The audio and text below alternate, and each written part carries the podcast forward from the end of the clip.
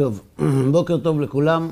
אנחנו לומדים בהקדמה לספר הזוהר לרבי יהודה לייב הלוי אשלג, זכר צדיק לברכה, והשיעור יהיה לרפואת יוסף בן אהובה מסעודה, שילת אהובה בת לוזה, ודניאל בן לוזה. בשיעור הקודם, בעל הסולם לימד אותנו כיצד ניתן להשיב על קושיית הניגוד שיש בין שלימותו של הבורא לקלקולם של הנבראים. דהיינו, כיצד ייתכן שמדרך הטוב להיטיב, ולמרות זאת, הבריות, רובן ככולן, מתענות ומתייסרות כמעט כל ימי היותן.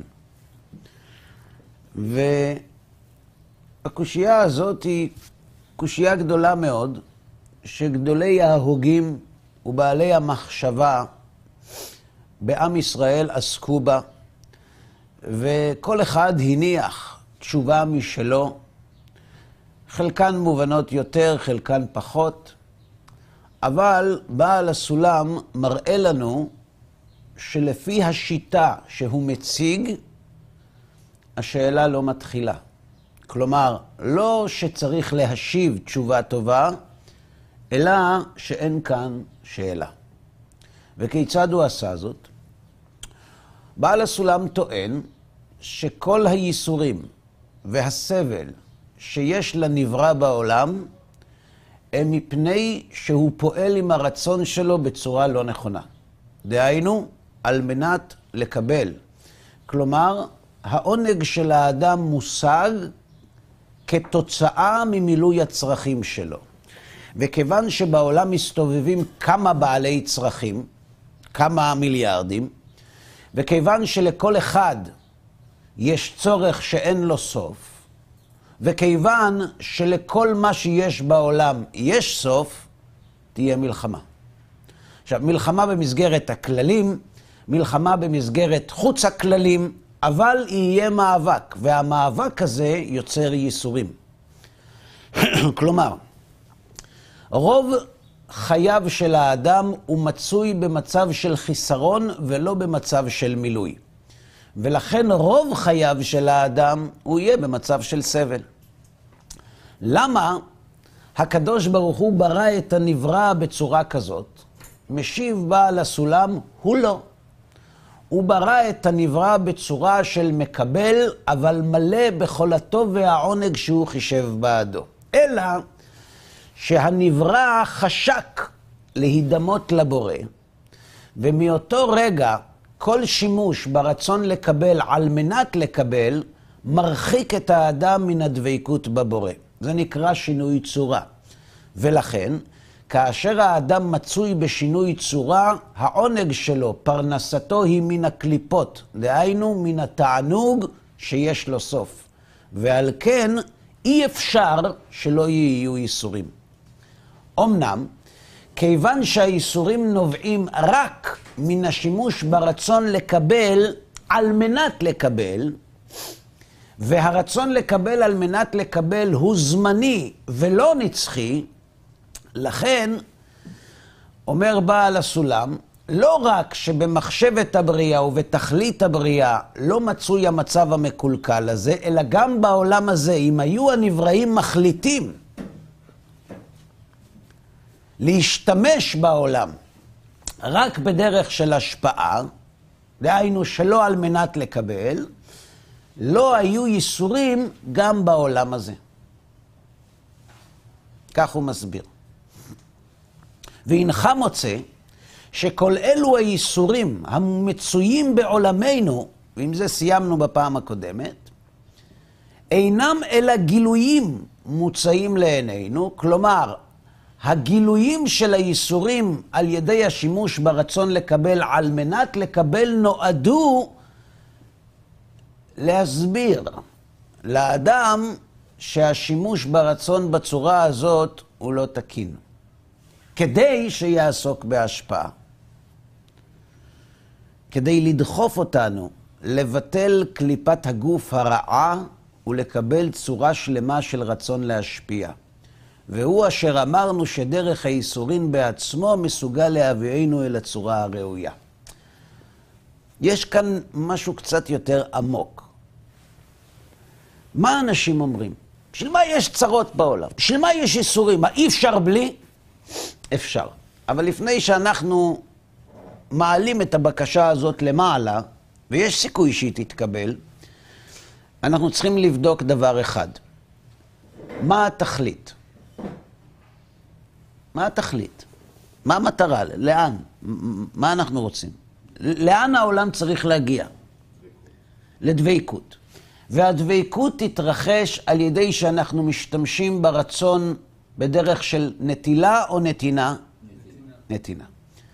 כלומר, התכלית של הבריאה לכולי עלמא, אני מדבר לדעת המאמינים, לכולי עלמא, התכלית של הבריאה המושלמת, הבלתי נתפסת, היא להתענג על השם וליהנות מזה ושכינתו.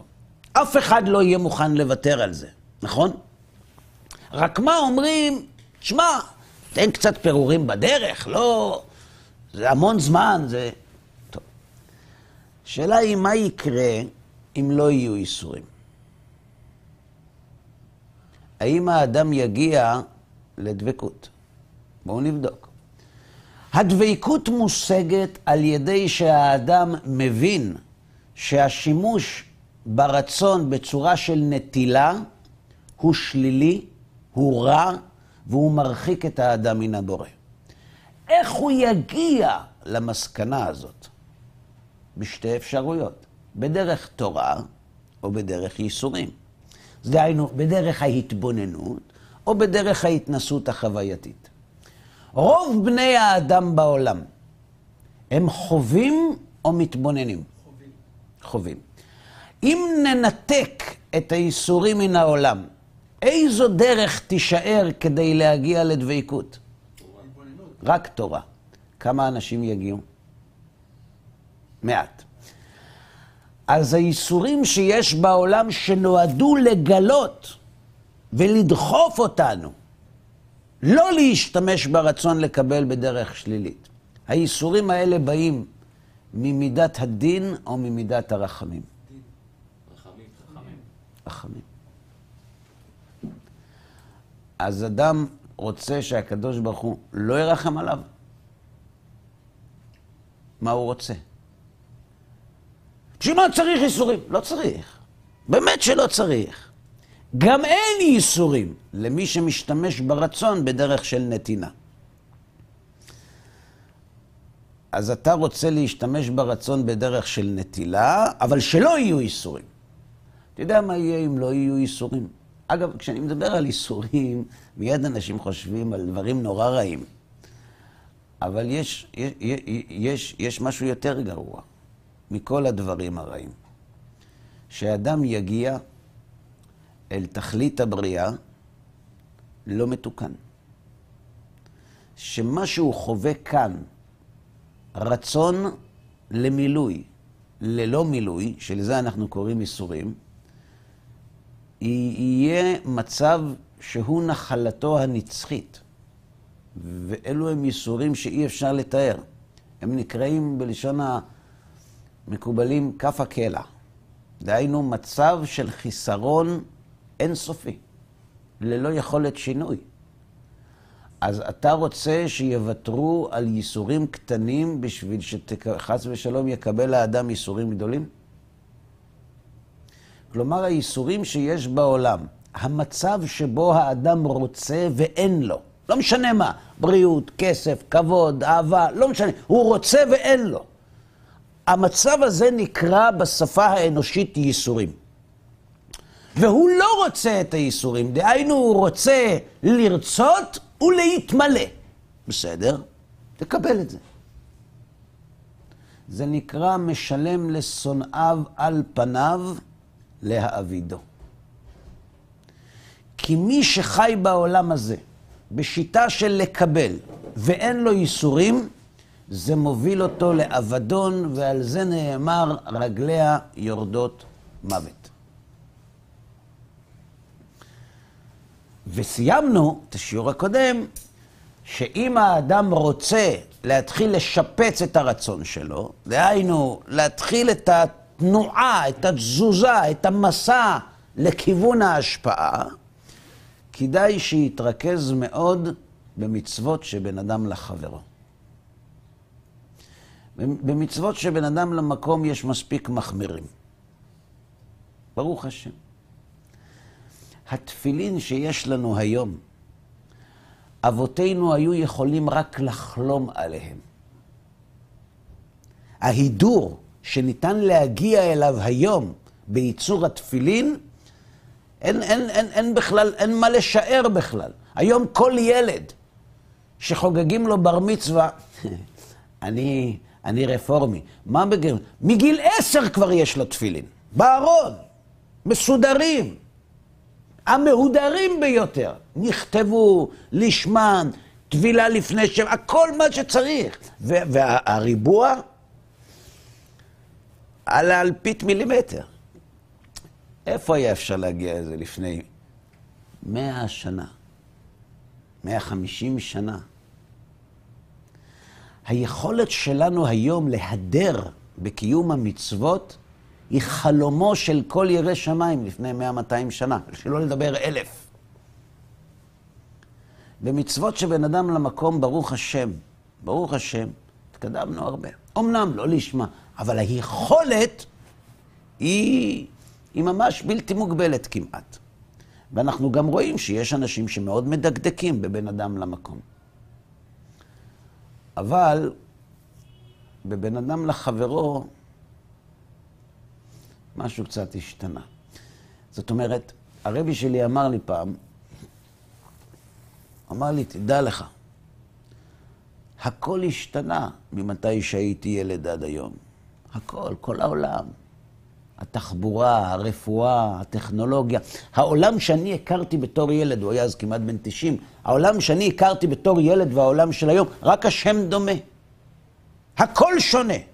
הכל השתנה. חוץ מדבר אחד, נפש האדם. אותה תאווה, אותה קנאה ואותו כבוד שגרמו לקין להרוג את אבל לפני 5,700, נכון? 78 שנה, כל ילד או ילדה שנולדים בבית היולדות, מקבלים את הערכה אורגינל. לא השתנה כלום. לכן, במצוות שבין האדם לחברו, ניתן להגיע לשינוי ברצון לקבל בצורה מהירה. התוצאות מגיעות מהר יותר. והסברנו גם מדוע בשיעור הקודם, כיוון שבמצוות שבין אדם לחברו אין הרגל. הקנאה, התאווה והכבוד מקשים על האדם לפרגן למישהו אחר, או לתת למישהו אחר, תמיד. כלומר, הם תמיד אורבים לאדם ואומרים לו, למי אתה נותן צדקה? לזה? שילך לעבוד. מה, הוא חי על חשבון כולם? או הוא אני הייתי יכול להגיע הרבה יותר ממנו. שאני אכבד אותו? חוץ מזה, מי הוא בכלל? הרי כולנו יודעים מי הוא. זה, זה נמצא תמיד ברקע, זה לא נעלם. ולכן כשאדם מקיים מצוות שבין אדם לחברו, הוא תמיד נלחם עם עצמו. לכן התוצאות יותר טובות. אני אולי ארחיב מעט קצת בעניין הזה. כשאני למדתי בישיבה, הרבי שלי הסביר לי למה האדם מתחתן? וזה הסבר קצת ארוך, אבל רק הנקודה שחשובה לנו כרגע. הוא אמר כך,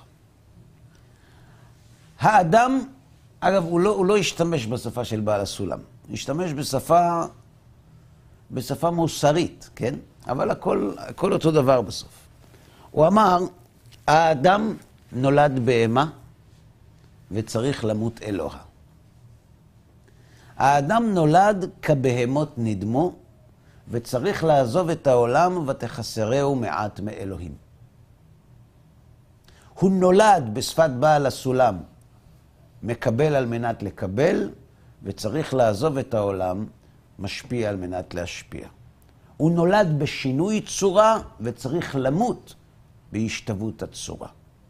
כלומר, האדם נולד נוטל, רק נוטל, והוא צריך להתחיל לייצר הפרשים בין מה שהוא לוקח למה שהוא נותן. ככל שההפרש בין מה שלקחתי מהעולם למה שנתתי לעולם יותר גדול, אני יותר קדוש. אני יותר נבדל מבעלי החיים. וזה סוד קדושים תהיו כי קדוש אני. נבדלים תהיו מבעלי החיים באותה תכונה שאני נבדל מכם. בעל חיים, כשהוא נולד, הוא נוטל על מנת ליטול, וכשהוא מת, זה העתק הדבק. רק עם יותר שומן. זה כל ההבדל. האדם יכול לעשות שינוי, והשינוי הזה הוא תכלית עבודת האדם בעולמו. ואז שאלתי אותו איך עושים את זה, אז הוא אמר לי שמתחתנים.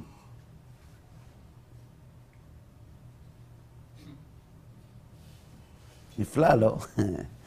ואני חשבתי שמתחתנים מתוך אהבה, בשביל להקים משפחה, בשביל להיות יחד. מה פתאום, הוא אומר? מתחתנים רק בשביל להיות קדושים. כי אם המטרה היא לא להיות קדוש, לא צריך להתחתן. ילדים נולדים גם בלי חופה, והמשפחה גדלה.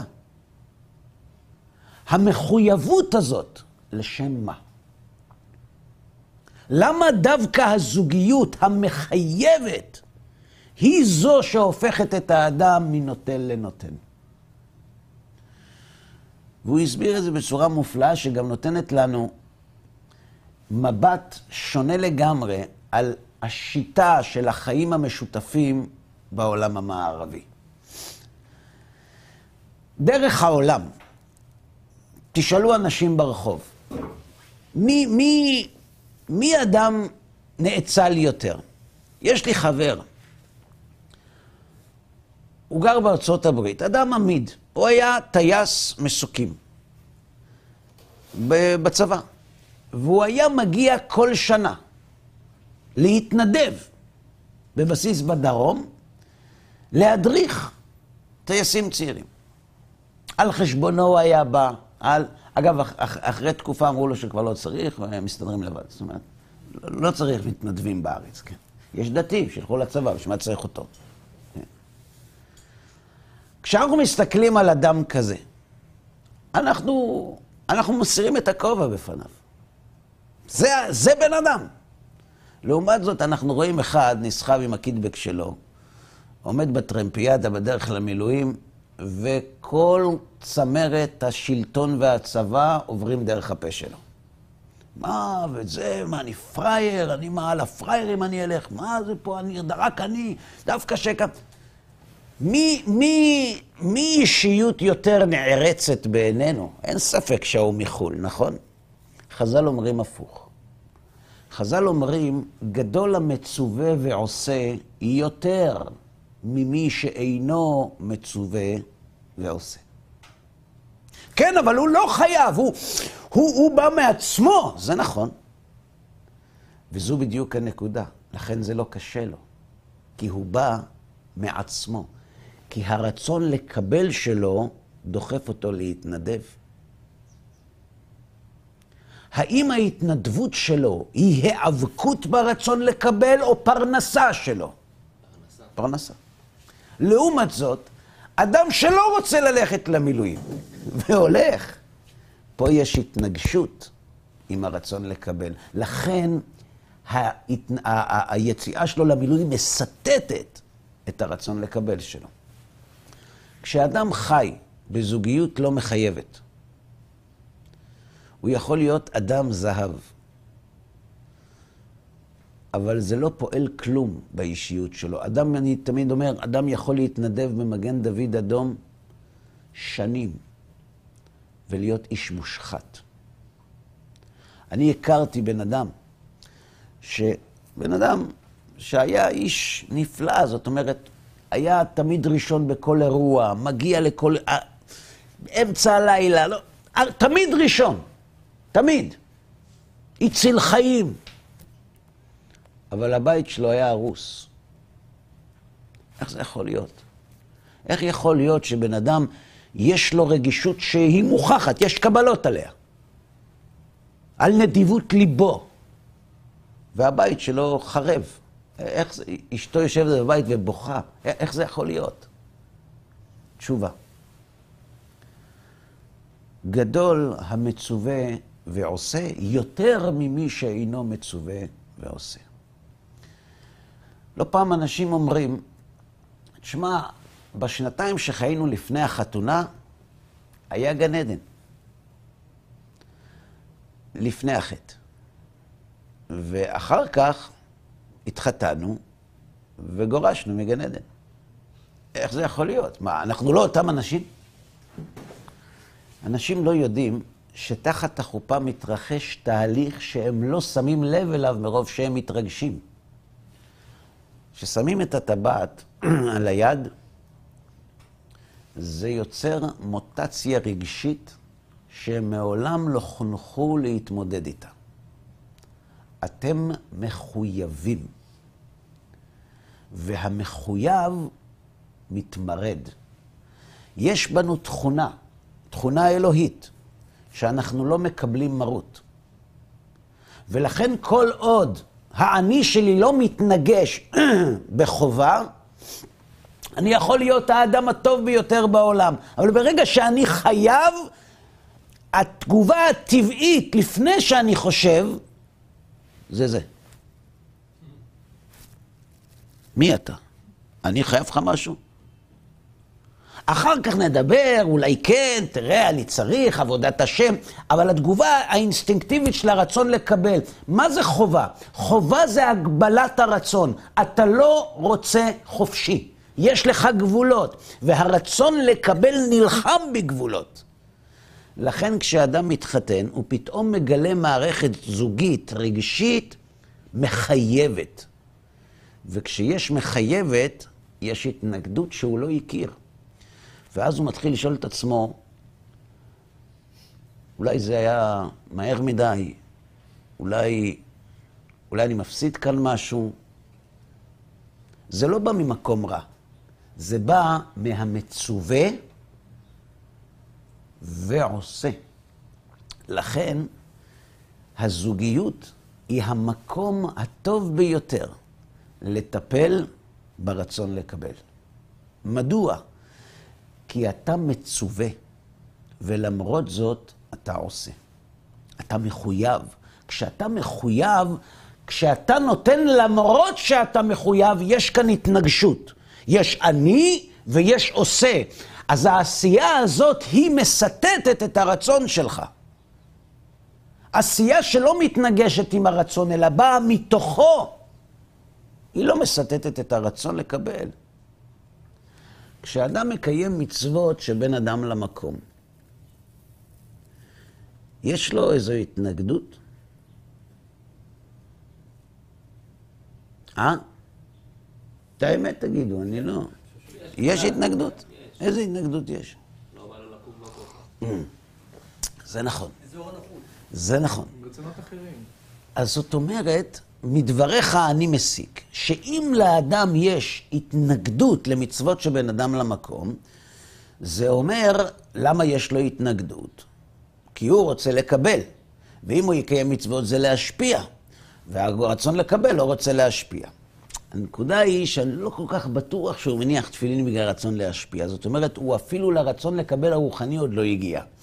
אם הוא היה רואה את המונה טס בבנק על הנחת תפילין, היה לו קושי להניח תפילין? לא. לא. זאת אומרת, למה יש לו קושי במצוות שבין אדם למקום? לא. כי הוא לא רואה את המקום. נכון? אם הוא היה רואה את המקום כמו שהוא רואה את אשתו, היה לו קשה לקיים מצוות שבין אדם למקום? לא.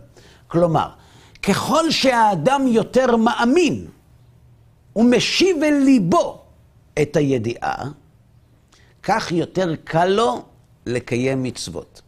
איזה? בין אדם למקום. כשאדם עומד מול בורא העולם, הוא, הוא בטל ומבוטל. אין לו, אין לו רצון עצמי. לכן אין לו קושי לקיים מצוות שבין אדם למקום.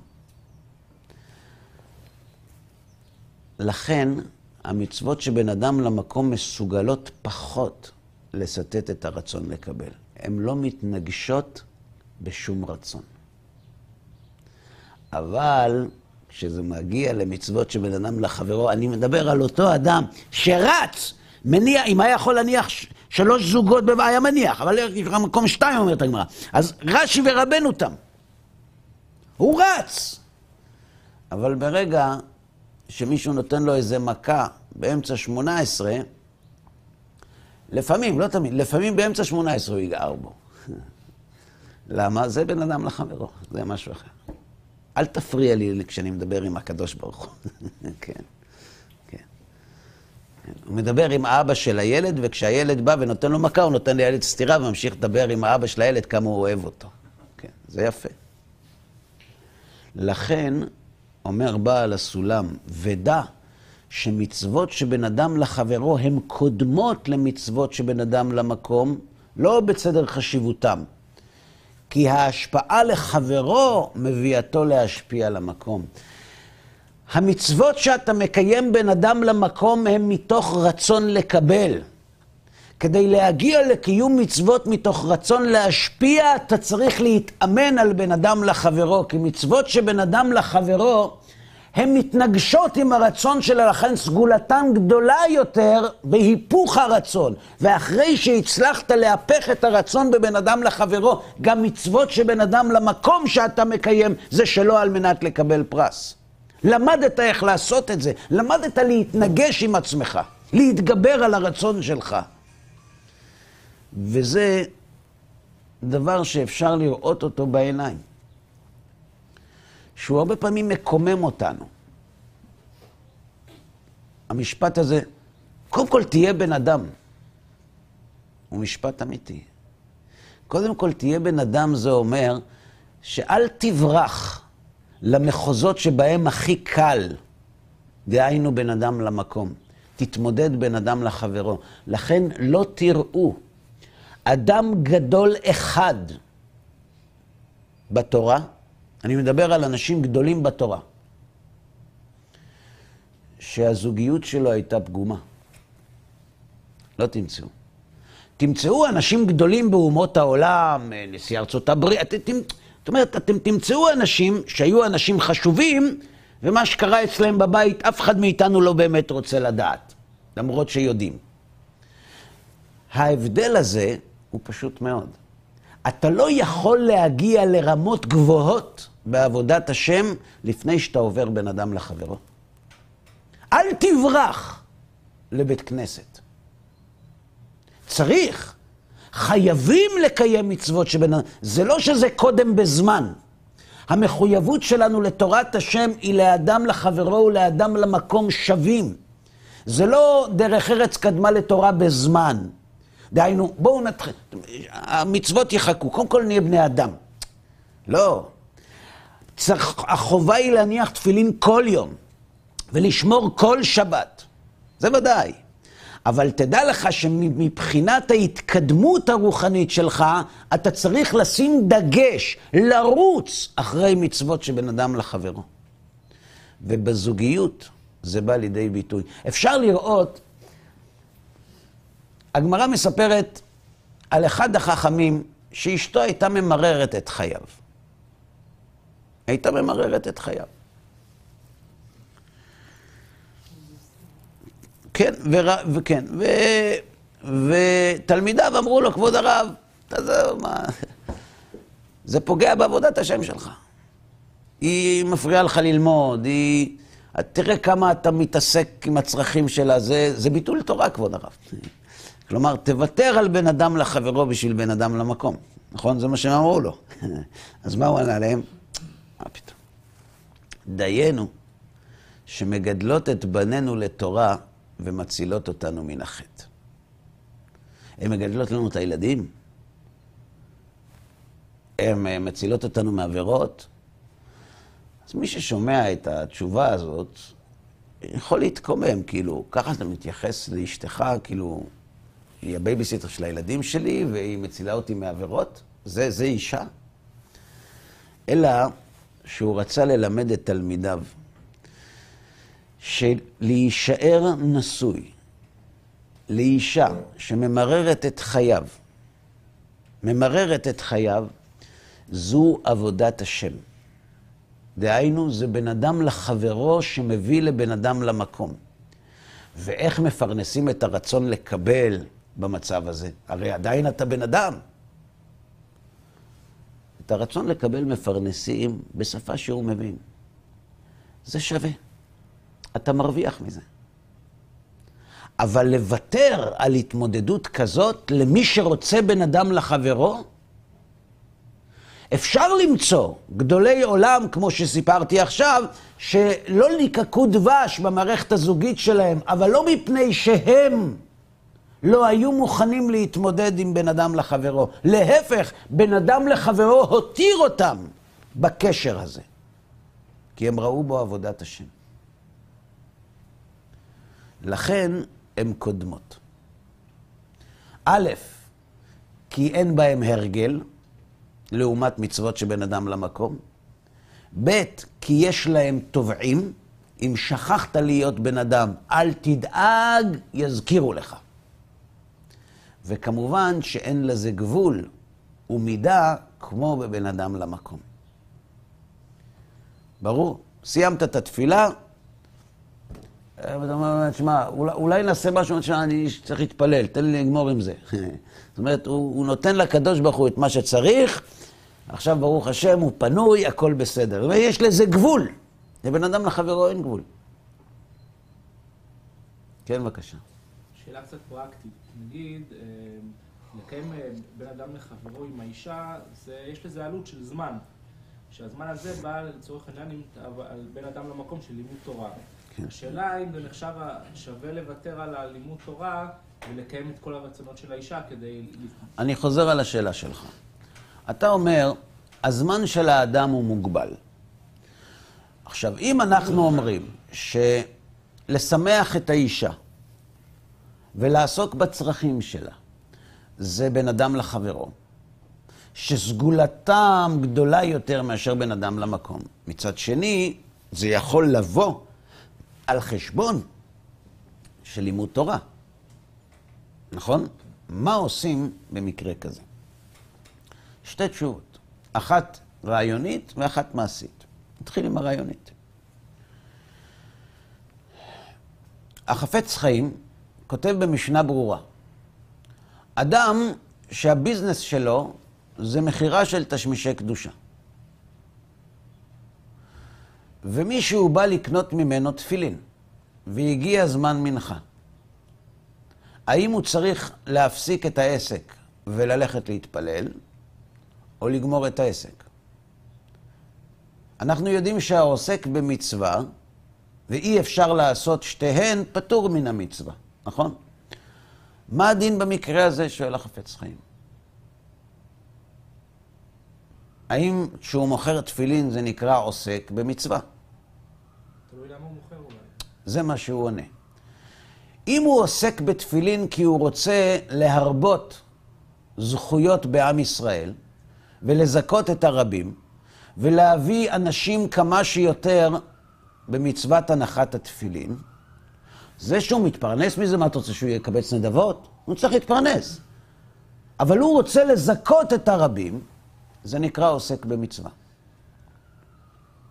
אבל אם הוא רוצה לעשות עסקים, ואמרו לו שאצל הדתיים יש המון כסף, כי הם לקחו את כל הכסף של המדינה, אז הם עשירים, והם משלמים על תפילין המון כסף. אתה מוכר זוג אחד, סידרת את עצמך. אז הוא אומר, זה ביזנס טוב, טוב שיש דתיים. הוא צריך ללכת להתפלל, אפילו גם נדבה. למה? זה לא נקרא עוסק במצווה. ברור. השאלה היא, למה הוא נשאר בבית? האם הוא נשאר בבית כדי לשמח את אשתו מצד ואהבת לרעך כמוך, ואז זו מצווה? או שהוא נשאר בבית כי זה נוח לו, ועל הדרך הוא אומר לעצמו, טוב, זה גם בן אדם לחברו.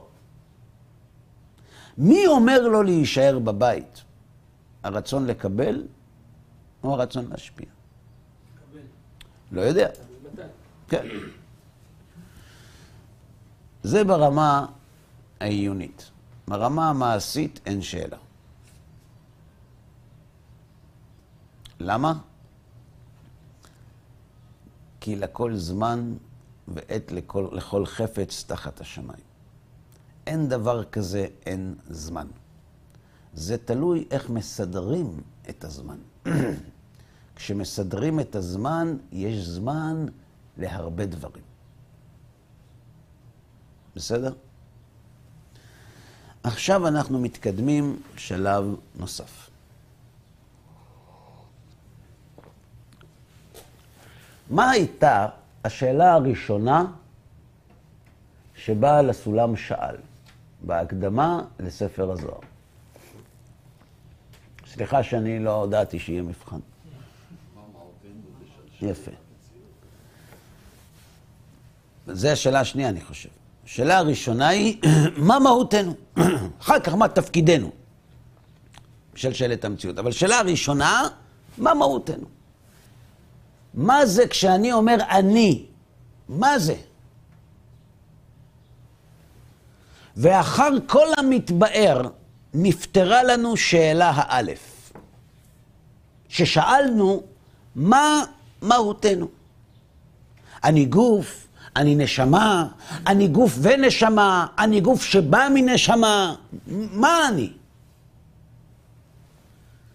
מהותנו היא כמהות כל הפרטים שבמציאות, שהיא לא פחות ולא יותר מרצון לקבל. אני זה. זה כלי, נכון? איך אנחנו יודעים שזה כלי? כי יש כאן דפנות ובית קיבול, אז זה כלי. זה במובן הפיזי. מהו כלי מופשט? רצון. אני רוצה, רוצה לקבל. אז יש רוצה לקבל, ויש את מי שרוצה לקבל, נכון? אז מה זה אני? זה רצון לקבל עם שבב של תודעה. זה אני. אין אני בלי רצון, ואין רצון בלי אני. ולכן אני זה רצון. הרצון לקבל. זה כל מי שאני. מניין לי? פשוט. הקדוש ברוך הוא ברא את הנבראים, אותי, אתכם. יש מי יש או יש מאין? מאין. כי אם היינו יש מי יש, אז אנחנו אלוהים. יפה. אז הוא ברא אותנו יש מאין. מהו יש מאין? יש שלא קיים בבורא, ולכן הוא מהעין. עד כאן ברור? מהו אותו יש שצריך הבורא לברוא כדי שרצונו להיטיב יתגשם? חיסרון. נבראים. רצון לקבל. אז מה זה נבראים? לא פחות ולא יותר מרצון לקבל. עכשיו, ההבדל בין הנבראים זה מצב הצבירה של הרצון לקבל. כמה יש מכל המינונים? ההתפתחות. אלא לא כפי, אבל הרצון לקבל שהקדוש ברוך הוא ברא, לא כפי שהוא מזדמן לנו עתה במציאות הבט. אני אשאל את זה כך. אדם שהוא עני, אבל הוא עתיד להיות עשיר, או אדם שהוא עדיין לא ראש ממשלה, אבל הוא נבחר להיות ראש ממשלה. איך אנחנו קוראים לו? ראש הממשלה הבא, נכון? הנכנס, אבל ראש הממשלה, אבל הוא עוד לא. כלומר, הוא בכוח. אנחנו מתייחסים לכל אדם ולכל נברא על פי מצבו הקבוע יותר, ולא הקבוע פחות. לא על פי מצבו הזמני, אלא על פי... שאדם ישראלי נמצא בחו"ל. אז אומרים שהוא ישראלי למרות שהוא בחו"ל, כי זה מצב זמני. אגב, זו לא דוגמה טובה. בארצות הברית, גם אם הוא ביטל את האזרחות הישראלית, וגם אם הוא כבר 30 שנה שם, הוא ישראלי. וכולם זוכרים לו את זה, אבל לא משנה. באופן עקרוני אנחנו מתייחסים לה, אנחנו נותנים כותרת לכל דבר, לכל נברא. דומם, צומח, חי, מדבר, לפי המצב הקבוע שלו, ולא לפי המצב הזמני. אז כשאנחנו אומרים שהאדם הוא רצון, זה נכון. אבל איזה רצון הוא? לקבל, להשפיע, להשפיע על מנת לקבל, להשפיע על מנת להשפיע, לקבל על מנת... כשאנחנו אומרים, האדם הוא רצון, איזה? מה מצבו הקבוע של הרצון האנושי? מקבל על מנת להשפיע. כפי שהוא נמצא במחשבת הבריאה וכפי שהוא עתיד להיות לנצח נצחים במצב הגימל שהוא תכלית הבריאה. אז אם מישהו ישאל אותך מי אתה, אתה עונה לו, אני רצון לקבל על מנת להשפיע. נעים מאוד. זה בסדר. זה בסדר.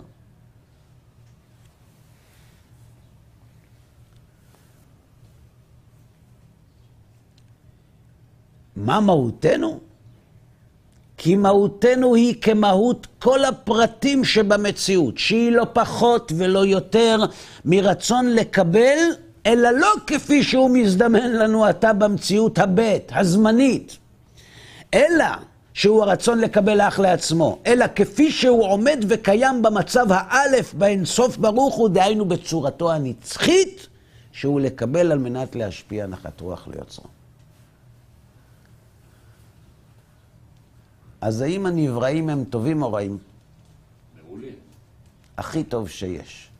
הכי, כמו שהכי מתאים לבורא יתברך ויתעלה, לברוא אותם. או? ב, ב, בשפה המקובלת יותר בימינו, כמה טוב השם. כן, בבקשה? אז מה עניין הרשעים? אה? מה עניין הרשעים? רשעים זה זמני. זה בגלגול הנוכחי שלנו? כן, זה זמני. כולם, כולם יתוקנו, לא יידח ממנו נידח. רק שיש כאלה שעושים את התהליך מהר יותר, יש כאלה שעושים... אבל כשאתה, כשאתה מדבר על מצב של אין סוף, זה לא משנה אם עד שהוא הגיע לאין סוף לקח לו 70 שנה או 3,000 שנה. זה לא משנה. כולם טובים. כולם מקבלים על מנת להשפיע. רק שהם לא... הם לא ידעו שהם כאלה. זה הכל. בסדר? יש נתק בין התודעה של הרצון, של הכלי, לבין איך שהוא נמצא במצב הצבירה במחשבת הבריאה משום תכלית הבריאה. ברור? כן, בבקשה. הרב, אז אם ככה ההסתכלות שלנו כלפי כל אדם בעולם, זאת אומרת, יש הרבה פעמים שאנשים, מה שנקרא, מביעים את רגשותיהם ואמרותיהם כלפי אנשים שהם נקראים כרעים. השאלה אם זה לא נכון לפי ההסתכלות הזאת. אני חוזר על השאלה שלך. לפי מה שלמדנו עכשיו, בעצם כל התייחסות שלילית לנברא כלשהו היא, היא, היא התייחסות לא נכונה. אתה צודק. כלומר, זה נכון ולא נכון. זה נכון בגלל שזה מה שלמדנו, אבל זה לא נכון ברמה המעשית, כי לפעמים כדי לחנך, כדי לחנך ילדים, או אפילו מבוגרים, ללך בדרך מסוימת, אנחנו צריכים לשלול את הדרך הלא נכונה. גם כששוללים את הדרך הלא נכונה, צריך לשלול את המעשים של ההולך בדרך הזאת, ולא את האישיות שלו. וזה נכון. אנחנו לא תמיד עושים את זה, אבל המעשים שלו הם רעים, לא הוא. הוא נצחי. הוא במצב של מקבל על מנת להשפיע. המעשים שהוא עושה הם רעים.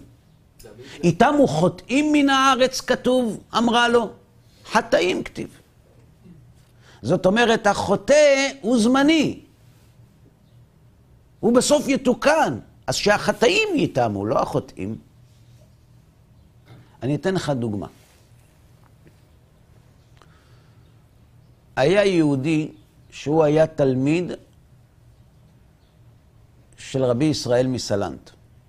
קראו לו רבי שמחה זיסל זיו מקלם, או בשפה היותר מוכרת, הסבא מקלם. הוא, הייתה לו ישיבה בכלם,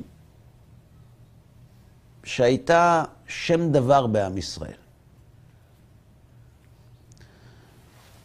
הוא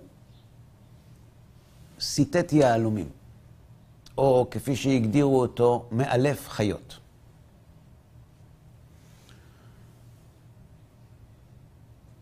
הוא היה אדם בעל ייסורים גדולים. כל השבוע היה אפשר לראות את הייסורים על הפנים שלו. הכאבים, הוא, הוא לא היה אדם. אבל הוא כבש אותם. בשבת זה היה משתנה. בשבת, ויהי לאיש אחר, ממש. ליל שבת אחד, רואים התלמידים את הסבא כשפניו מקורקמות, כמו יום רגיל. מה קרה? אז הוא אמר להם על איזה מישהו, שאני רוצה להזכיר את שמו, שהוא מת. עכשיו, מי זה היה המישהו הזה? זה היה עוכר ישראל. זה היה עורך של עיתון, עיתון יהודי, שביזה ורמס והשחית כל חלקה טובה בעם ישראל. גרם לכל כך הרבה אנשים לעזוב דרך התורה. אמרו לו, כבוד הרב, בעבוד רשעים רינה. לימדו אותו תורה, הוא... תלמ... מתלמידה יותר מכולם כתוב, לא? אז הוא אמר להם, אתם לא מבינים. יש נשמות שונות שיורדות לעולם. יש בעלי רצון קטן ויש בעלי רצון גדול. איזו נשמה משובחת יותר? זאת בעלת הרצון הגדול או בעלת הרצון הקטן? אגב, הוא לא אמר את זה במילים האלה, אני רק פשוט מתרגם את זה לשפה שלנו. איזו נשמה גדולה יותר? גדול. תלוי. בתכלית הבריאה, הרצון הגדול יותר טוב, כשהוא מתוקן. אבל בזמן התיקון, במצב הבית, ככל שהרצון לקבל שלך יותר קטן, הסיכוי שתעשה עבירות הוא יותר קטן. לא. יותר קל לך להתגבר עליו. ככל שהרצון של האדם יותר קטן, היכולת שלו להתגבר עליו היא יותר גדולה. כי הוא כמעט לא רוצה כלום. אבל בתכלית הבריאה, ככל שהרצון לקבל שלך גדול יותר, אתה זוכה ליותר אור, כי זה על מנת להשפיע. הוא אמר להם זה בשפה אחרת, הוא אמר ככה.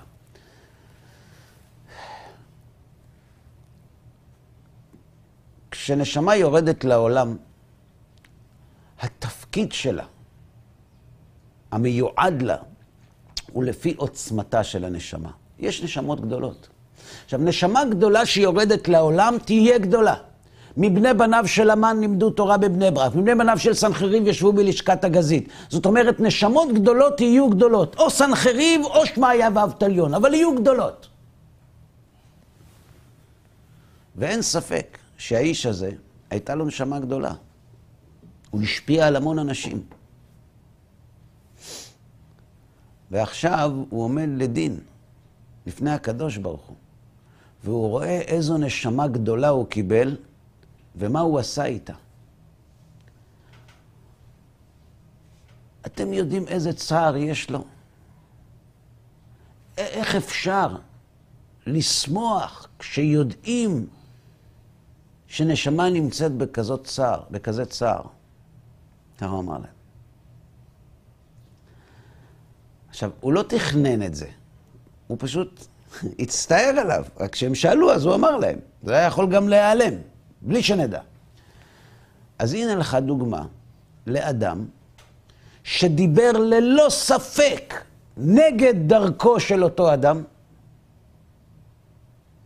וחינך את תלמידיו להיזהר מכופרים ומליצנים וממשחיתים דוגמתו של אותו אדם, אבל שבת, הוא הצטער עליו. זאת אומרת, עושים הבחנה בין האדם לבין המעשים שלו. אגב, זה גם נכון מבחינה חינוכית, אבל אני מדבר כרגע מתוך השאלה ששאלת. השטחיות גורמת לנו לאחד את הדברים. הוא איש רע, הוא בן אדם רע, אבל זה לא נכון. זה מה שאנשים בסוף מצטער להם. בסדר. רוב העולם רשעים וטיפשים. מה אתה יכול לעשות? בסדר? ואף על פי שעוד לא הגענו בפועל, אתה מתלהב על עצמך שאתה מקבל על מנת להשפיע, ואתה בן אדם טוב, ואנחנו עושים הבחנות פה בין המעשים לבין הבן אדם. אדוני, אתה צריך לעבוד, נכון. ועדיין אנו מחוסרי זמן. עוד לא הגענו למצב הזה, מכל מקום אין זה פוגם במשהו בעיקר מהותנו. זה נכון שאני עדיין לא שם, אבל שאלת מה מהותי, לא איפה אני נמצא עכשיו. מהותי היא מושלמת, מתוקנת, מקבל על מנת להשפיע. משום שמצבנו הג' מתחייב לנו בהחלט גמור מצד מצב האלף. לפיכך כל העומד להיגבות כגבוי דמי. ומחוסר זמן נחשב לחיסרון, הוא רק במקום שיש ספק של משהו אם ישלים את הצריך להשלים באותו זמן. הוא בא והוא מבקש מבעל הבית שלו מקדמה. אז הוא עושה לו פרצוף. למה? הוא אומר לו, מי אמר בכלל שתישאר פה עד סוף החודש? זאת אומרת, מחוסר זמן הוא פגם כשאין ודאות שהתהליך יסתיים. אבל אם התהליך יסתיים על כל פנים, וזה באחריות, אין שום בעיה להתייחס גם בזמן הלא מושלם, אל הלא מושלם, כמושלם על שם סופו. כי זאת האמת, זו מהותו. הוא רק במקום שיש ספק של משהו, אם ישלים, אתה צריך להשלים באותו. וכיוון שאין לנו שום ספק בזה, הרי זה דומה עלינו כמו שכבר באנו למצב הגימל. איך אדם לא יהיה בשמחה כשהוא יודע שלא משנה מה יהיה, הוא מתוקן.